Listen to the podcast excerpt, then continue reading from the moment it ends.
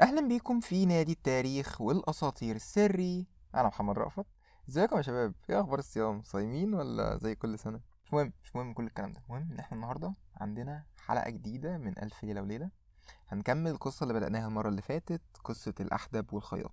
آخر مرة وصلنا إن كان في خياط شاف راجل أحدب صعب عليه راح واخده عزمه على العشاء عنده بس مرات الخياط خلت الأحدب يشرق فمات. راح الخياط ومراته واخدين الأحدب على بيت الدكتور اليهودي اللي اتكعبل في الأحدب وقعه فافتكر إنه قتله فراح رميه على سطوح جاره المسلم اللي افتكر إن الأحدب ده حرامي فضربه بالشاكوش وافتكر إنه قتله فراح رميه في الشارع. وهناك كان في راجل مسيحي سكران شافه وافتكروا بيتريق عليه فمسكوا ضربه لحد ما الناس اتلموا عليه وخدوه وراحوا للقاضي عشان يحكم بينهم. القاضي كان هيعدم المسيحي لحد ما المسلم اعترف ولما جه يعدمه اليهودي اعترف وأخيرا الخياط اعترف ولما جه الجلاد يعدم الخياط السلطان راح نادي عليهم كلهم عنده عشان يسمع منهم القصة وقال لهم اللي هيحكي لي قصة أعجب من قصتكم دي هعفو عنكم. المسيحي حكى قصة بس ما عجبتش السلطان وجه الدور على المسلم. المسلم قال للسلطان اديني بس فرصة يا سلطان الزمان يمكن أحكي لك قصة تطلع أعجب من قصة الاحدب وتعفو عننا. فالسلطان راح قال له ماشي تعامل. دي حلقة رقم 22 قصة الأحدب والخياط الجزء الثاني المسلم قال للسلطان أنا امبارح بالليل كنت قاعد مع أصحابي كنا بناكل وكنا عاملين فراخ محشية وكان معانا واحد وأول ما شاف الفرخة المحشية اتخض وحلف إنه مش هياكل منها. فإحنا حلفنا عليه إن هو ياكل منها وقعدنا نتخانق كلنا وهو يحلف إن هو مش هياكل لحد ما راح قايل أنا هاكل منها بشرط إني بعد ما أخلصها أنا هغسل إيدي 120 مرة.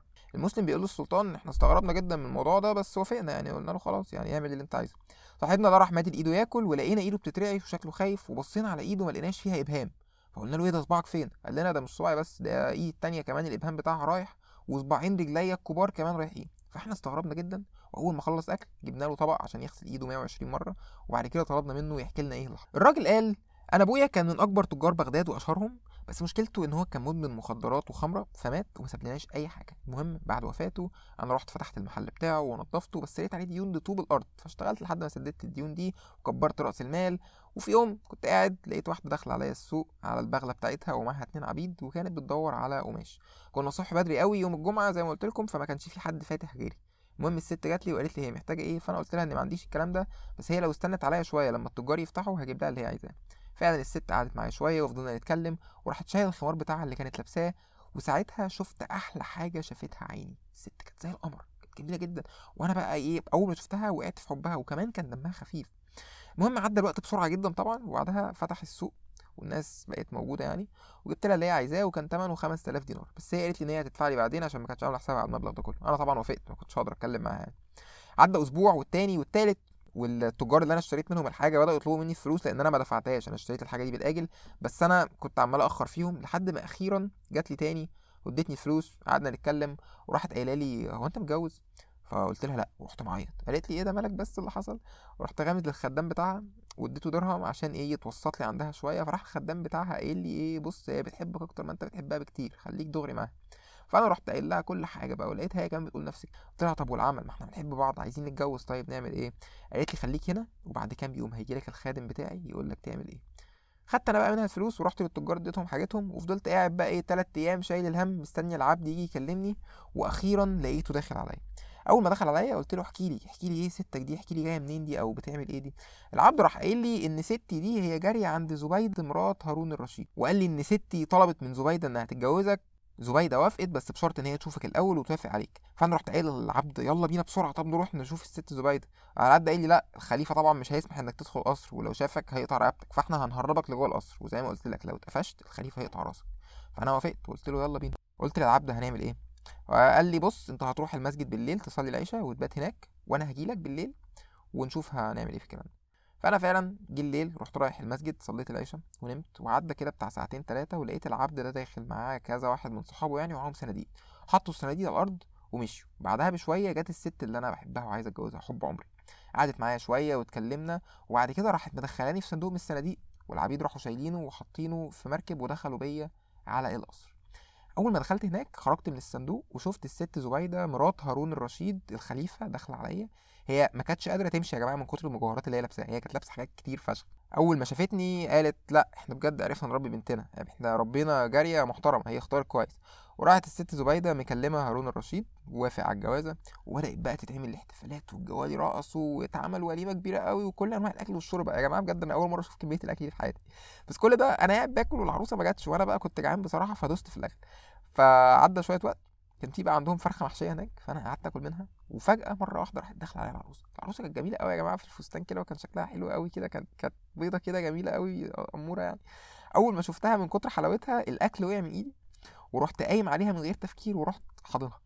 أما عملت كده هي شمت ريحة إيدي فراحت مصوتة بصوت عالي قوي ولمت عليا الجواري اللي في القصر وقعدت تشتم فيا عشان أنا ريحة إيدي كانت فراخ محشية. وقعدت تردح لي وبعد كده قالت للعبيد خدوا الواد على المدينة خلوا الجلاد يقطع له ايده عشان يبقى يلمسني من غير ما يغسلها كويس. طبعا أنا ما بقتش عارف أعمل إيه وبعدين الناس كلها فضلت تتحايل عليها. اللي هو يعني حرام يتقطع ايدي زي الحرامية عشان ما غسلتش ايدي. الموضوع كان غريب جدا بجد يا جماعة يعني الموضوع كان غريب. المهم الست قالت أنا مش ههدى غير لما أقطع له حاجة. فأنا رحت قال لها اهدي يا مجنونة تقطعي لي إيه بس؟ وزفت إيه. فراحت قالت أنا مش ههدى غير لما أقطع له صوابعه. وزي ما أنتم شايفين راحت قطع لي صوابع ايديا الاتنين الابهامين وقطعت لي صوابع رجليا وخدت عليا عهد ان أنا اي مرة اكل فيها فرخة محشية لازم اغسل ايدي 120 مرة. المسلم بقى راح راجع ومكمل الكلام للسلطان وقال له بعد ما الحكاية دي خلصت إيه رأيك يا سلطان الزمان؟ هل الحوار ده اعجب من حوار الأحدب؟ فالسلطان قال له هي قصة عجيبة بس أنا برضه ما انبهرتش ولازم تتعدموا كلكم. اليهودي طلع بعد كده وقال أنا عايز أحكي حكاية بس الحكاية دي ما عجبتش السلطان وهي بصراحة ما عجبتنيش أنا كمان فمش هحكيها هنا. أخيرا طلع الخياط يحكي حكايته للسلطان. الخياط قال للسلطان أنا قبل موضوع الأحدب ده كنت قاعد في بيت واحد صاحبي ومعايا شباب كمان نعرفهم وكده. وبعدين دخل علينا صاحب البيت وكان معاه شاب زي القمر بس كانت رجله مكسورة. الشاب قعد معانا وبعدها بشوية دخل علينا مزين حلاق يعني. الشاب أول ما شاف المزين اتنفض من مكانه وطلع يجري وحاولنا نهديه بس مفيش فايده راح قايل أنا هاجرت من بلدي عشان أهرب من المزين ده وههاجر من بلدكم تاني عشان أهرب منه تاني. فضلنا نتحايل على الشاب يهدى عشان يحكي لنا قصته وبعد فترة كبيرة أخيرا هدي ووافق. الشاب قال للخياط أنا كنت شاب غني جدا جدا جدا ومعايا فلوس وأملاك كتير. كنت ساكن في بغداد وفي يوم كنت ماشي في الشارع وشافني حرامية فطلعوا يجروا ورايا فأنا هربت منهم بقى وقعدت أتنطط كده وهوبا باركور ومش عارف إيه. ودخلت استخبيت في حارة على جنب كده مش باينة منها أي حاجة. ومرة واحدة الشباك اللي قدامي اتفتح وطلعت منه بنت زي القمر عشان تسقي الزرع بتاعها. بس هي ما كانتش شايفاني. أنا طبعا فضلت أتفرج عليها لحد ما دخلت وقعدت بقى إيه سرحان فيها قوي كده. وروحت بيتي مهموم زعلان طبعا عشان أنا مش هقدر أشوفها تاني. لما روحت الجواري فضلوا يسألوني إيه اللي مضايقك حصل إيه إيه اللي جرى بس أنا ما كنتش برد عليهم. بعد كده اتملكني المرض وما بقتش بقوم السرير. وفي يوم دخلت عليا واحدة ست عجوزة صديقة العيلة يعني وفضلت تتحايل عليا لحد ما حكيت لها على اللي حصل. فقالت لي بص يا ابني البنت دي أنا عارفاها دي بنت القاضي بتاع بغداد. وأنا كل يوم بدخل عندهم البيت عشان انضف لهم حاجات هناك. أنا هكلمها لك واقول لها الوضع بتاعك. أنا طبعا فرحت جدا بالخبر ده وقلت أخيرا خلاص هقعد مع حب عمري. بس فرحتي دي ما طولتش. عشان العجوز رجعت لي تاني يوم وقالت لي إن البنت رفضت تشوفني أو تتكلم معايا. طبعا أنا اتبهدلت تاني ورجعت مرضت تاني وكنت قربت أموت خلاص. بصراحة أنا كنت over شوية يا جدعان يعني كنت مكبر الموضوع. بس بعدها بيومين الست العجوز دي دخلت عليا تاني. وراحت قايله لي أبشر يا ابن المحظوظ. قلت لها إيه اللي حصل؟ قالت لي أنا رحت عند البنت وحكيت لها على حالك وقلبها حن وعايزة تشوفك بس من ورا ابوها فأنت هتستنى يوم الجمعة ساعة الصلاة أبوها يكون بيصلي وتروح تقعد معاها. طبعا أنا قمت بقى اتنططت من السرير بقى قعدت كده اللي هو أخيرا حب عمري هتشوفني مش عارفة إيه. ورحت لابس وجهزت بقى عشان أروح لها بس لقيت العجوز بتبص لي كده قالت لي أنت بقالك قد إيه في السرير؟ قلت لها أنا بقالي كتير قوي قالت لي طب تفتكر هتبقى فكرة كويسة إنك تقوم تحلق؟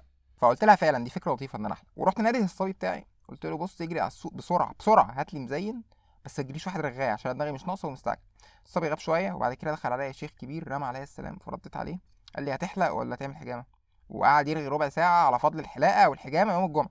فرحت بخ فيه قلت له بقول لك إيه فكني من وجع الدماغ ده واحلق لي وانجز.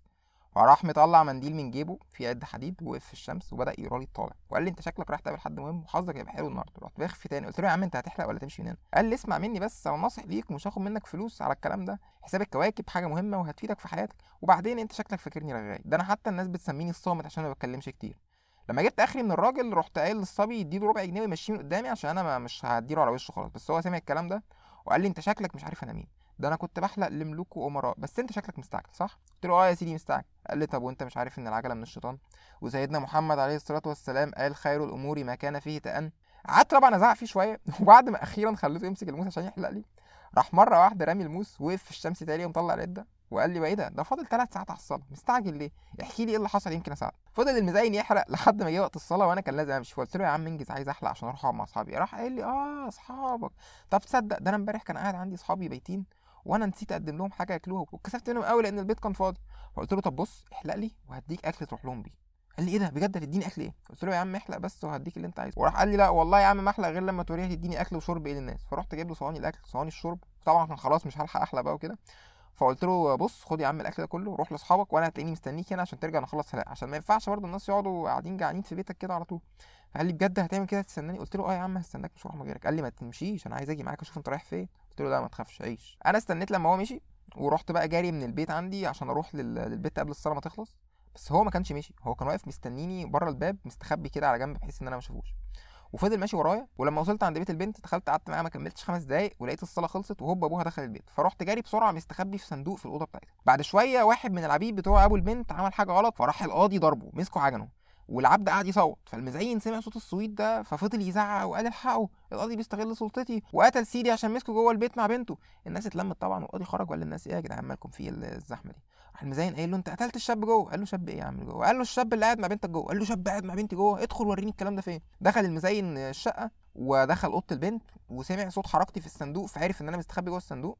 فخد الصندوق على كتفه في وسط الزحمة كده وخرج بيه من البيت وعشان الدنيا كانت زحمة وكده يعني فأنا هو تقريبا اتخبط في حد فوقعني من الصندوق كسرت رجلي. من ساعتها أنا بعت أملاكي وبعت كل اللي ورايا اللي قدامي وكل حاجة وهاجرت من بغداد وجيت هنا في الصين عشان أهرب منه. راح الخياط باصص للشاب كده وبص للمزين وقال للمزين هو الكلام ده صح؟ فالمزين راح قال له أيوه طبعا ده أنا انقذت حياته ودلوقتي كان زمانه ميت وبعدين أنا مش رغاي. طب والله أحكي لكم قصة تثبت لكم إن أنا مش رغاي. المزين راح قايل للخياط أنا في مرة كنت ماشي في بغداد وشفت 10 رجالة قاعدين في مركب فقلت أكيد رايحين يتفسحوا ولا حاجة فرحت قاعد معاهم.